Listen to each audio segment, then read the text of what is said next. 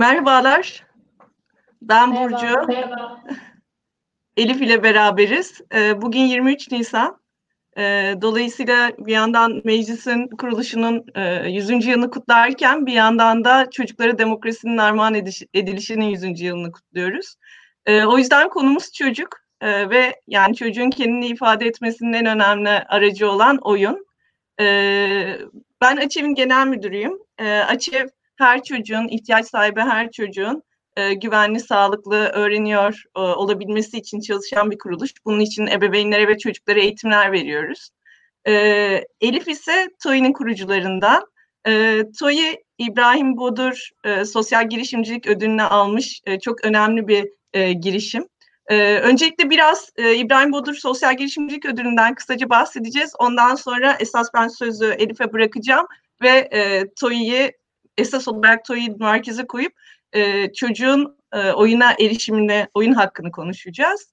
E, İbrahim Budur Sosyal Girişimcilik Ödül Programı 3 senedir e, uygulanan bir program. E, Kale grubunun kurucusu merhum İbrahim Budur'un anısına veriliyor. E, üç aşamalı bir ödül programı bu. Erken aşama, ileri aşama ve işbirliği kategorilerinde e, veriliyor ödül. E, TOİ'de e, yanlış söylemiyorsam ileri aşamada ödül almış bir e, program. Buna dair zaten daha detayları Elif anlatacak bize. E, ben sözü daha fazla uzatmadan Elif'e dönmek istiyorum. E, TOİ fikri nasıl ortaya çıktı? Oradan başlayalım istersen Elif. daha sonrasında da açarak devam ederiz. Tabii. E, TOİ fikri aslında benim çocukluğuma dayanan bir hikayesi var. E, ben e, memur çocuğum ve çocukluğum şehirden şehire taşınarak geçti. Aslında hep de böyle görece dezavantajlı diyeceğimiz yerlere taşındık ve benim çocuk olma durumum aslında hep bir şekilde kısıtlandı. Tabii ben orada geçici bir süre olduğum için aslında o durumu yaşarken bir anlamda gözlemleyen insan konumundaydım. Ve büyürken de bu hep benim aslında bir tutkum haline geldi. Yani orada işte Urfa'nın bir köyüne de gittim. Ardahan'da da çocukluğumu geçirdim. İşte yaşıtım yoktu, kreş yoktu vesaire. Ben hep evde tek başıma. Bir yandan da işte okula başlayınca da farklı coğrafyalarda farklı kültürlerle tanışmış oldum. Oradaki çocukların yaşadıklarını gözlemlemiş oldum. Tam böyle büyük şehre geldik dediğimiz zamanda 99 depremi oldu ve e, babam görev dolayısıyla çadır kentte görevliydi. Oradaki ana sınıf ortamını deneyimlemiş oldum, gözlemlemiş oldum ve hep böyle aslında e, o dönemlerde hem ailemin bana çocuk olma durumumu daha sağlıklı yaşamam için oyunla, işte bir şey üretmeyle meşgul etmesi bir yandan da benim o dönemleri böyle direkt yaşamam böyle hassas bir e, bir şey büyüttü içimde ve ben hep böyle çocuklar için bir şey yapan biri olmak hayaliyle çalıştım. E, tasarım da bence o zamanki aslında ailemin beni hani iyi olmamı desteklemek için sürekli bir üretime teşvik ettikleri için tasarımcı olmayı da çok istemiştim. Toy fikri de aslında hem tasarımı çok seviyorum, tutkum. Bir yandan çocuklar için bir şeyler yapmayı çok istiyorum, tutku. İkisini nasıl birleştirebilirim diye orada aslında başlayan bir fikirdi. Ama tabii bunun temelinde yani sadece böyle bir gün düşündüğüme böyle değil, TEGEV'de gönüllülük yapıyordum ben ve e, sanat atölyeleri veriyordum. Orada şeyi fark ettim ya böyle yaş aldıkça çocukların hem etkinliğe katılımı hem de ya bir tabloyu yorumlarken böyle sınırsız fikir üretebilirken bir sene sonra hepsine aynı cevaplar, tek düze cevaplar gelmeye başlayınca tabii o zaman tasarımcı, tasarım okumamın da verdiği şeyle ya ne oluyordu bu çocukların bu hayal gücü yaratıcılıkları engelleniyor. Zaten hani geçmişte gözlemlediğim ve o işte dezavantajlı tanımladığım şeylerin etkisini biliyordum ama yani hani somut olarak aslında hani yetişkin bakış açısıyla gönüllülük sırasında keşfettim bunu. Ve neden aslında e, çocuk yani oyunu çocukların hayatına daha fazla dahil ederek e, edecek bir şey yapmayalım fikriyle TOY çıktı. E, orada oyun olması da aslında hani yaratıcı sürece oyun süreci çok benzediği için bunu tetikleyecek Hı-hı. ve gündelik hayatlarına sokacak bir fikirle ortaya çıktı. Bu arada TOY'i yani çocukların etrafındaki her şeyi hayal ettikleri bir yani oyuncağı tasarıma dönüştürmelerini sağlayan bir oyun kiti. Hani nerede Hı-hı. olurlarsa olsunlar etraflarını güzelleştirebilsinler ve o yaratıcı özgüvenlerini hissedebilecek, pekiştirebilecek bir deneyim yaşasınlar fikriyle ortaya çıktı. Harika. Ee, aslında sosyal girişimler e, bir nevi sivil toplumun kardeşi. Ee, yani ikimiz de mesela alanda çalışıyoruz ama hani senin e, dahil olduğun alanı sosyal girişim olarak tanımlamasının ayırt edici bazı özellikleri var. E, TOİ bir sosyal girişim yapan özellikler nelerdir? Biraz da onlardan bahsedebilir misin? Tabii.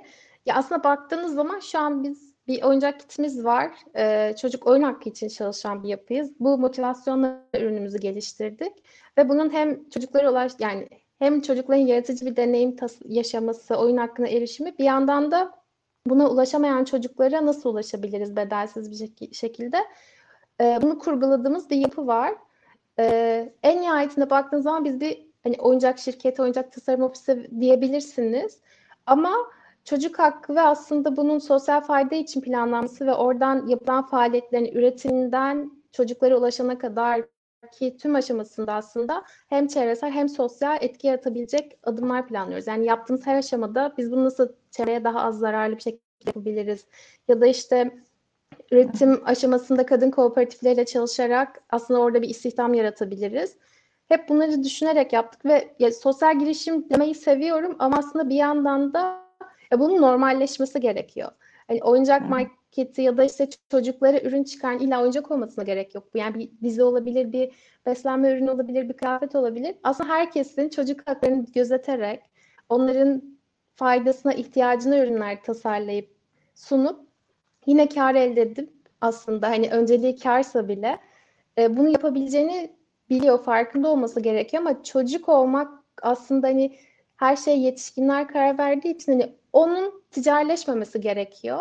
Ve biz de neden hani bunu gözeterek bunun doğrultusunda hem kar elde edebilen hem sosyal fayda sağlayabilen ve karıyla bu sosyal faydayı sürdürülebilir kılan bir yapı olmayalım ve bir yandan sivil toplum kuruluşlarıyla çok yakın çalışıyoruz. Çünkü sahada olan onlar ama bir yandan da çocuklara ürün hizmet geliştirenlere de bakın böyle bir yöntem yani yol mümkün aslında bunu yapmanız gerekiyor diye bulunduğumuz hı hı. pazarı dönüştürmeye çalışıyoruz. O yüzden sosyal girişim demek olmak orada e, bir nevi önce olmaya çalıştığımız için derdimizi anlatmış hı hı. oluyoruz. Gerçekten çok önemli bir e, boyutu konunun yani e, sırf sivil toplum ve sosyal girişimler değil aslında bütün sektörün dönüşümü e, nihai olarak hepimizin hedeflediği bir şey. Yani bir yandan ürettikleri ürünlerle, hizmetlerle e, özel sektörün çocukları geliştirici e, hizmetler sunması çok mühim. Bir yandan e, iş yerlerinin daha ebeveyn dostu, çocuk dostu olması çok mühim.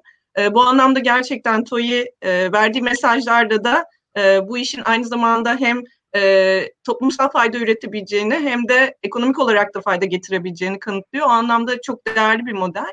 Ee, az önce videoda da oyun hakkından bahsettin. Ee, biraz o tarafa geçelim istersen. Ee, TOİ sadece hani gündelik hayata değil aslında mülteci çocuklar gibi e, özel e, gruplara yönelik de çalışıyor. E, ve oyunun hani tüm çocuklar için e, aslında erişilebilir olmasını e, temelde savunuyor. Ee, özellikle ağır tra- travmalara maruz kalan risk altındaki çocuklar için ise oyunun farklı bir aslında işlevi var. Ee, bu konuda neler söylersin? Özellikle hani mültecilerle ilgili çalışmalarınızdan başlayarak bu alana eğilmenin önemi sence nedir? Ee, zaten biz yani ürünün tasarım aşamasındaki konseptinde de oyuncağa erişim, oyun hakkına erişimi olmayan çocuklar için tasarlama fikriyle yola çıktı, çıktık. O yüzden bunun ürünleşip pazara sunulmasından sonra da hep bu bizim önemsediğimiz ve sorumluluk almak istediğimiz bir alanda. Ee, ya oyun hakkı tabii ki çok geniş ve aslında orada çözülmesi gereken çok fazla şey var. Biz bu felsefeye başladığımız için ilk ya etki tarafında da öncelikli olarak aslında kriz ve afet durumunda oyun hakkına erişim konusunu sahiplendik. İlk, ilk başta oradan başlamak istedik ve tam da o bizim başladığımız dönemde işte mülteci meselesi gündemdeydi. Çok fazla çocuk Türkiye'ye geldi, yerinden edilmiş, ağır travmalar yaşayan çocuklar vardı ve biz de o sırada mültecilerle çalışan toplum merkezleri, sivil toplum kuruluşları ile birlikte aslında onların çocuk olma durumunu, iyi olma halini destekleyecek bir araçla burada yaşadıkları uyum sürecini kolaylaştırmak, o travmaların en azından bir nebze atlatılmasını sağlamak için aracı olmak istedik. Çünkü baktığınız Hı. zaman yani yerinden edilmiş, yani hiç dilini bilmediği bir ülkeye gelmiş, okula gidemiyor. Ne sosyal bir çevresi var, ne kendi anlatabileceği bir ortam var. O yüzden oyun zaten yani o ortamı yani iletişim kurmasını sağlayacak ve aslında yaşadığı o engelleri ortadan kaldıracak ortak bir dil. Yani çocuk aslında her yerde çocuk ve kendini daha iyi ifade edebilmesi için yaşadığı travmaları ifade edebilmesi için ve aslında o değişime ayak uydurabilmesi için oyun ortamını sağlamak çok önemli.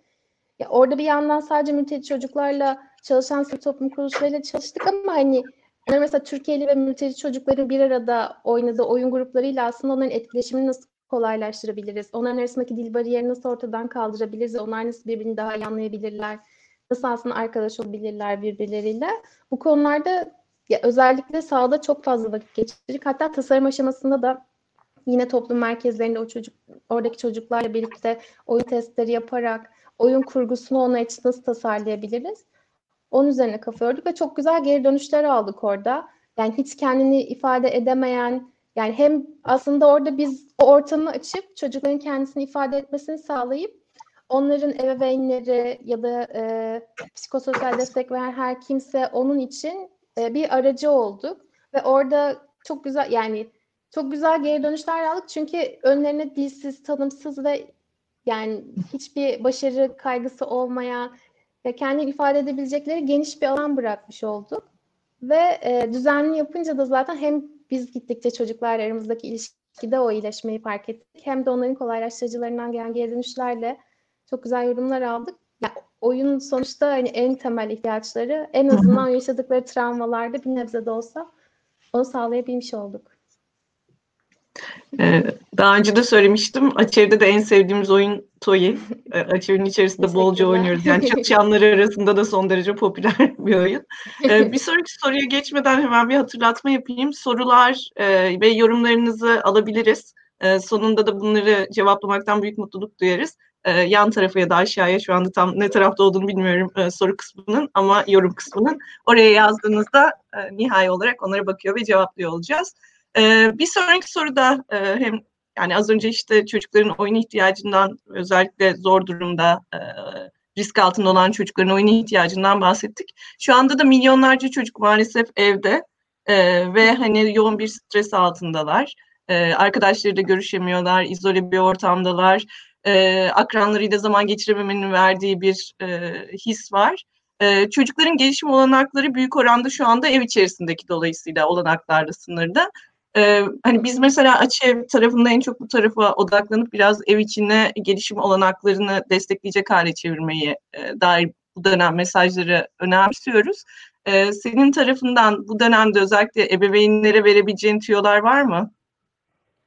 Ya bu dönem hepimiz için çok zor ama ebeveynler için, çalışan ebeveynler için ya çok çok daha zor olduğunu düşünüyorum. Çünkü bir yandan işlerine devam etmeye çalışıyorlar, bir yandan ev işlerine devam etmeye çalışıyorlar ve bir yandan çocuklarıyla vakit geçirmeye çalışıyorlar. Ve bir yandan yani hepimiz için yeni, yorumlayamadığımız bir dönem. O yüzden anlamlandırmaya çalışmak da bunun ayrıca bir yükü. Ee, ama çocuk yani bir bakıma da çocukların aslında ihtiyaçlarını ve o gündelik rutinlerini devam ettirmeleri gerekiyor. O yüzden e, belki şu anda daha fazla yani oyuna zaten her zaman ihtiyacımız var ama tam şu anda aslında çok daha fazla ihtiyacımız var. Çünkü e, baktığınız zaman yani oyun o değişime kabullenme, ne olduğunu anlamlandırma için bir araç yani çocuk için en temel araçlardan biri. Ebeveynlerin de aslında ev ortamında bunu sağlıyor olması çok önemli.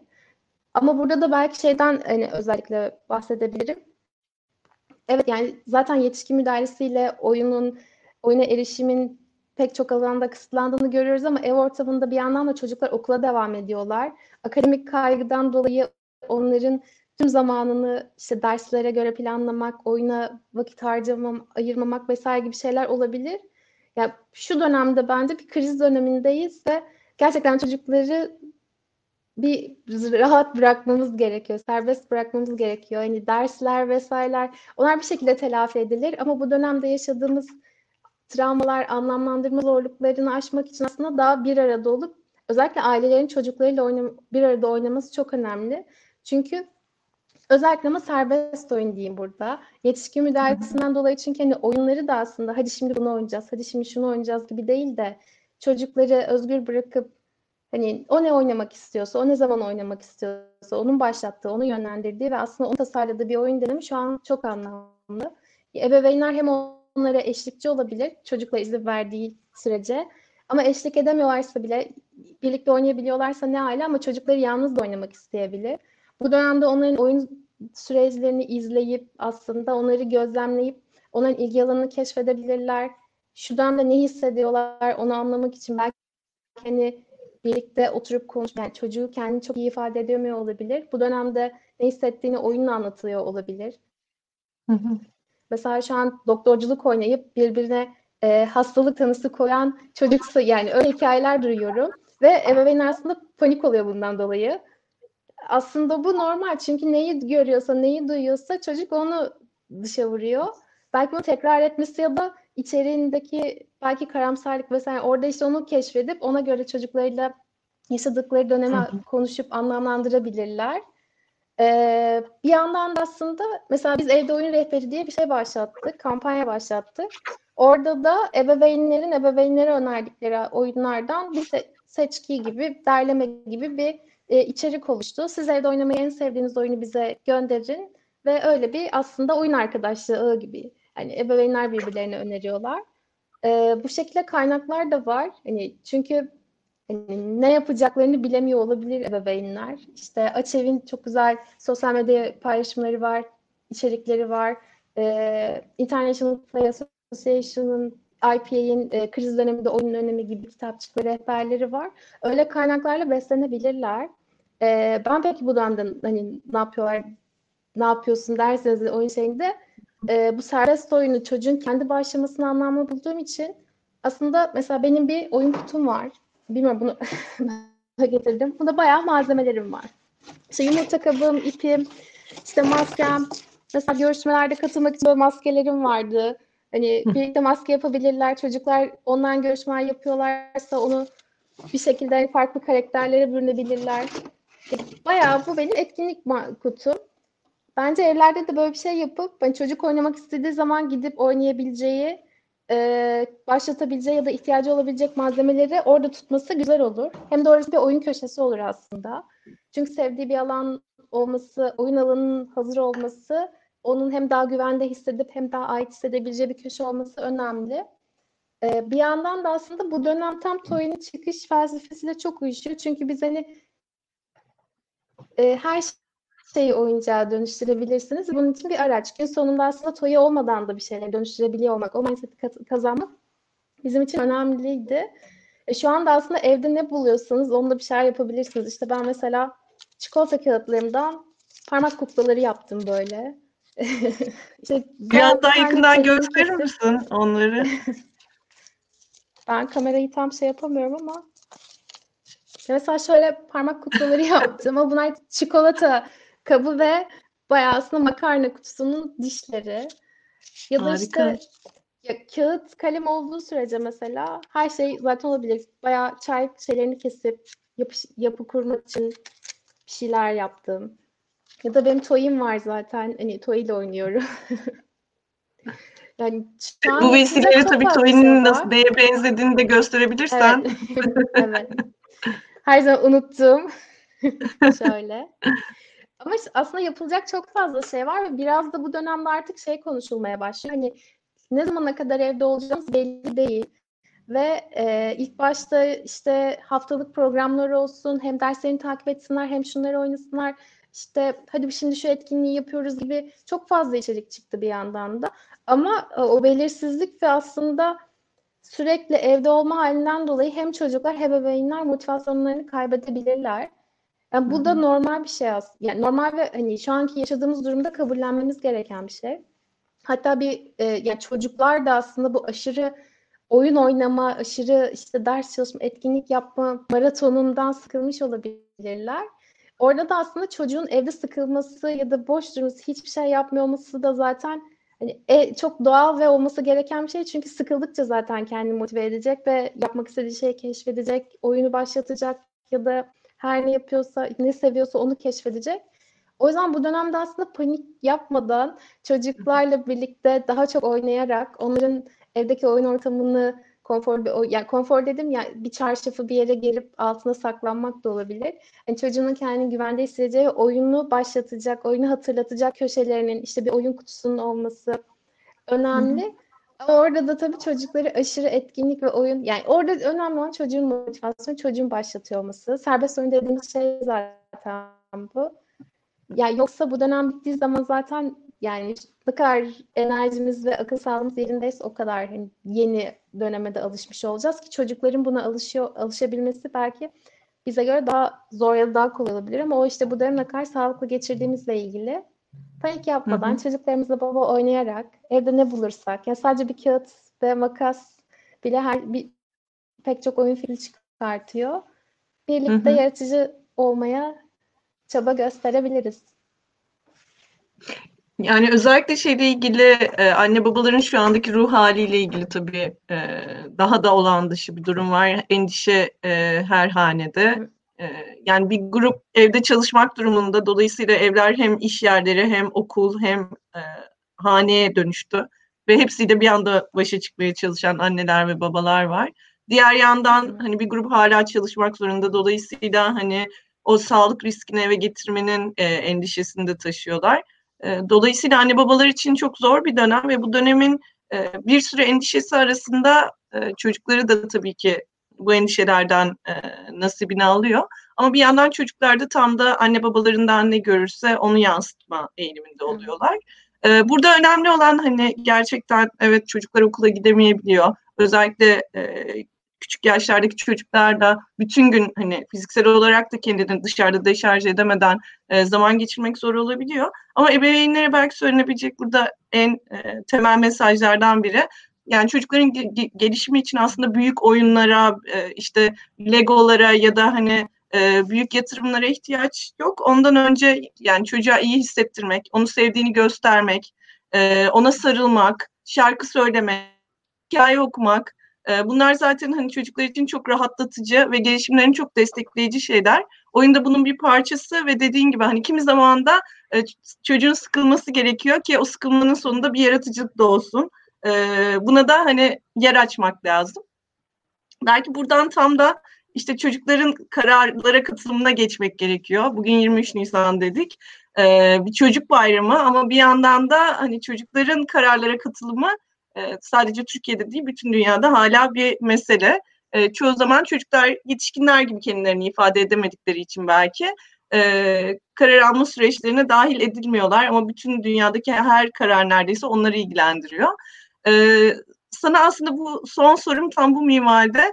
E, oyun sence bir e, demokratik katılım aracı olabilir mi? Çünkü oyun dediğimiz şey çocukların aslında kendilerini en iyi ifade ettikleri yöntem. E, buna dair hani biraz fikrini alabilirsek harika olur.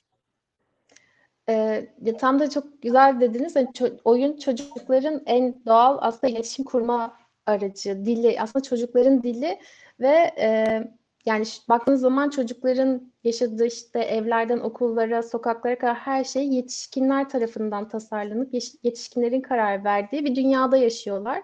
Aslında oradaki asıl kopukluk yani çocuklar aslında bunu anlatabilecek yetenekteler. Ama biz yetişkinler kendi alışık olduğumuz dilde ve rutinde belki bunları anlamaya ya da toplamaya çalışıyoruz. Ki çoğu zaman aslında buna alan açılmadığını da düşünüyorum. Hani o çocuk ve çocuk yani çocuk söyledi çocuk işi işte onun söylediği şeyler çocukça hani böyle hep bir aslında çocuğun birey olarak görülmesi değil de yanımızda büyüyen ama e, herhangi bir katılım hakkı olmadığını düşündüğümüz belki otomatik olarak en azından çeşit yani onlar için çıkarılan şeylerde maalesef böyle bir şey var e, aslında oyun savunuculuğu, oyunun sahiplenip oyunla aslında bir şeyler yapmak istememizin sebebi de bu. Çünkü oyun hakkı dediğimiz zaman beslenme, barınma gibi en temel şeylerden biri çocuğun kendi ifade ettiği en doğal ortam. Burada aslında yetişkin olarak bizlere çok fazla görev düşüyor. Ya biz çocukların dilinden uzak kalırsak, onları anlamaya çalışmazsak, yani oyun dili dediğimiz şey aslında bu. Onları ortam açmazsak onun katılımını zaten Zaten aslında o çocuklar dertlerini anlatıyorlar. Taleplerini anlatıyorlar. Yani sokakta oyuncak yeri olmaması ya da park yoksa gidip herhangi bir sokak arasında oynayıp birinin arabasını çarpıyor diye o çocuğa kızmaktansa gerçekten ihtiyacını anlayıp o sürece, o şehir planlanma sürecine çocuğun ihtiyaçlarını dahil edip onlarla birlikte o süreç tasarlansa ki şu an aslında çok güzel örnekleri de başlıyor belediyede. Ee, onları da görüyorum çok daha anlamlı ve aslında ihtiyaca yönelik şeyler çıkacak. Hani bu bizim için de geçerli. Bizim tasarım sürecinde çocukların ihtiyacını keşfetmemiz için yani masa başında durup Aa, evet çocukların buna ihtiyacı var diye karar vermek tamamen yetişkin davranışın e, oturmuş bir şey yani onlarla bir arada olup onların dilini anlayıp onların kendi ifade edebileceği ortamları yaratmak bizim sorumluluğumuz ve zaten onlarla birlikte tüm ihtiyaçlarını giderecek şekilde tasarlamak önemli şeylerden biri ve oyun zaten bunun için en kolaylaştırıcı. Yani hazır ve aslında yani bilinmeyen, keşfedilmeyen bir şey değil. Biz yetişkinlerin aslında oyunu daha çok hayatımıza dahil edip oyun dilini öğrenip çocuklarla iletişim kurmayı öğrenmesi gerekiyor ki o katılım ortamını bizler yaratabilelim. Yoksa onlar çok güzel dertlerini anlatıyorlar, ne istediklerini anlatıyorlar. Sadece aslında onlar bir arada olup onları gözlemleyip ne istediklerini anlayabilmemiz gerekiyor. Hı hı. Yani yetişkinler için de aslında oyun en rahatlatıcı araçlardan biri. Evet. Ee, yani hayatı özellikle böyle krizli dönemlerde hayata oyun gibi yaklaşmak hepimiz için e, çok daha e, böyle durumları atlatmamıza yardımcı olacak bir yaklaşım. Dolayısıyla hani aynı dili tutturmak için de bir vesile belki tam da e, hep beraber evdeyken buna yatırım yapmak. E, Elif çok teşekkürler. E, benim sorularım bitti ama senin özellikle eklemek istediğin herhangi bir şey varsa duymaktan büyük keyif alırım. Ha, belki e, bu ödülün sana neler kazandırdığını ve TOİ'ye neler kazandırdığını Hı. anlatmak istersin. Tabii.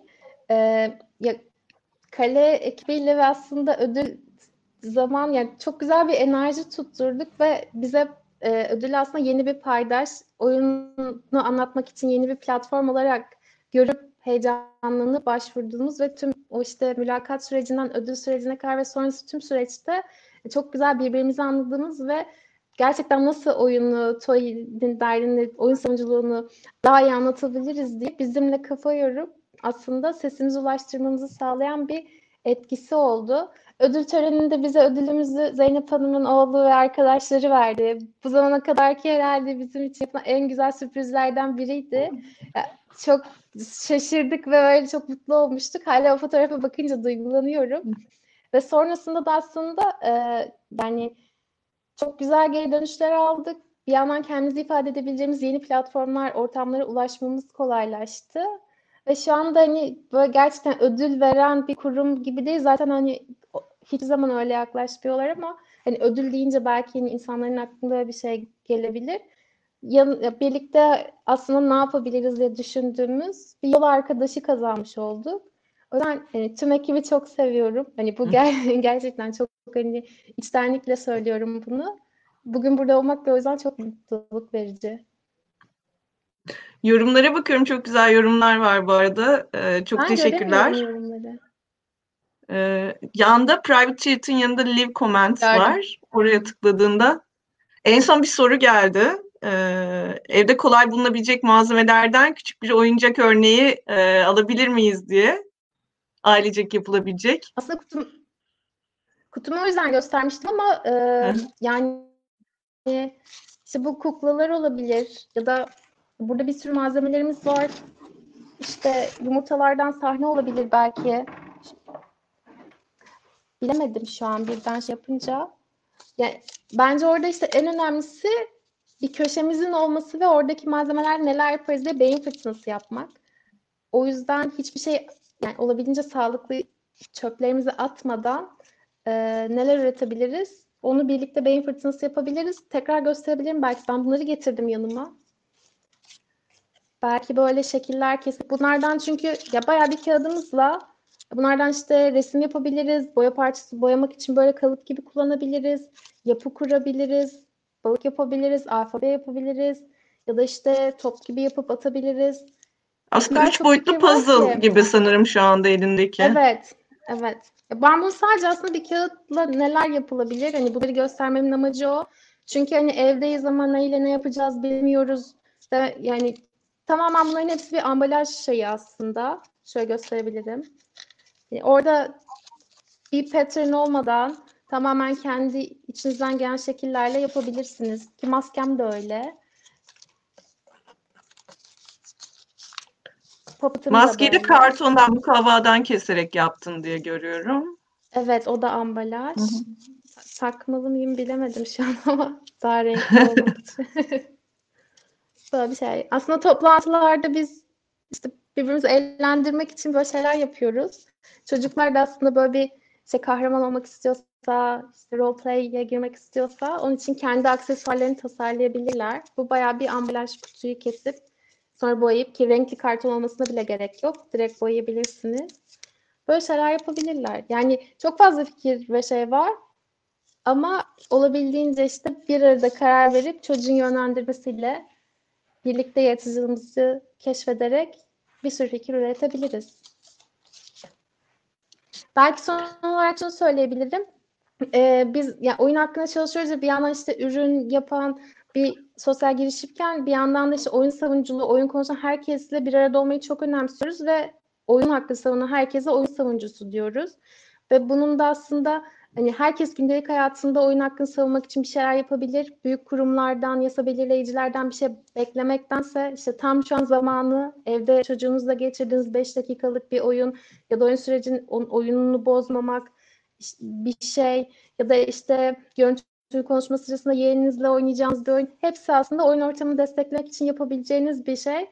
Hani Gelin gündelik hayatınıza oyunu daha fazla dahil edin. Hem yetişkin olarak hem de etrafınızdaki çocuklar olarak. Yani illa anne baba olmanıza da gerek yok oyun hakkı savunucusu olmanız için.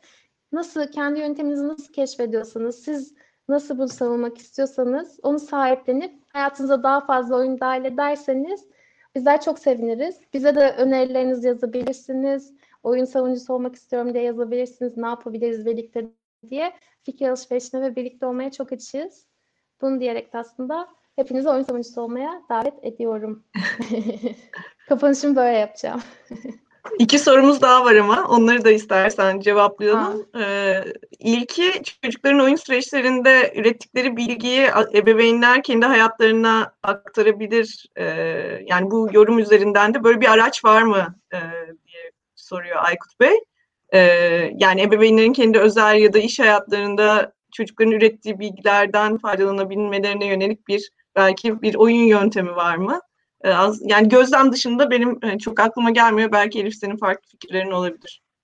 Ee, ben de benzer bir şey düşündüm. Tam aslında anlayamadım soruyu ama e, orada yapılabilecek en güzel şey aslında çocukla birlikte oynamak mümkünse ve e, ya da müdahale etme, etmesi istemiyorsa çocuk onu gözlemleyip oradan aslında onun hislerini, duygularını öğrenip e, oradan kendi içgörünüzü çıkartabilirsiniz diye düşünüyorum. Aynen kurmaca oyunlar özellikle bu konuda role playing e, oyunları evet, çok faydalı olabiliyor. Evet belki onu söyleyebiliriz. Hı hı. Bir de TOY evet, olarak hangi alanlarda iş geliştirme hedefleriniz var? Son sorumuz da şu anda bu. Heh, soruları kapattım. Biz bir yandan e, aslında bu yaratıcı oyun sürecini, yani oyun ortamını tetikleyici ürünler geliştirmeye devam ediyoruz. Ee, bir yandan da bunun ulaşılabilir olması için etki projeleri yapmayı önemsiyoruz. Burada işte bir sivil toplum kuruluşu olabilir, ee, bir özel şirket olabilir, hiç fark etmez. Daha fazla çocuğa ulaşabileceğimiz nasıl bir sistem olabilirse, illa ürün olmasına gerek yok bu arada etki projelerimizde. Hani bir etkinlik olabilir ya da işte bir bölgedeki oyun ortamının eksikliği olabilir, her ne olursa. Orada yine ama daha öncelikli olarak kriz ve afet durumundaki çocuklara ulaşabileceğimiz partnerlerle birlikte onlara nasıl oyun ortamını açabiliriz, tetikleyici neler yapabiliriz, onların ihtiyaçlarına yönelik nasıl içerikler çıkarabiliriz, daha çok önemli iş geliştirmemiz var. Çok teşekkürler, çok keyifli bir sohbet oldu Elif. Ben teşekkür ederim. Ben çok Bu vesileyle bir araya gelmemiz de gerçekten evet. çok mutluluk vericiydi. Umarım başka vesilelerle de buluşuruz. Umarım. Tüm dinleyicilerin de tekrar 23 Nisan'ını kutlayalım en son ve oyun evet. savunucusu olmaya davet edelim tekrar. Evet. 23 Nisan vesilesiyle hepinizi oyuna davet ediyoruz. Çok teşekkürler. Teşekkürler. Görüşmek üzere.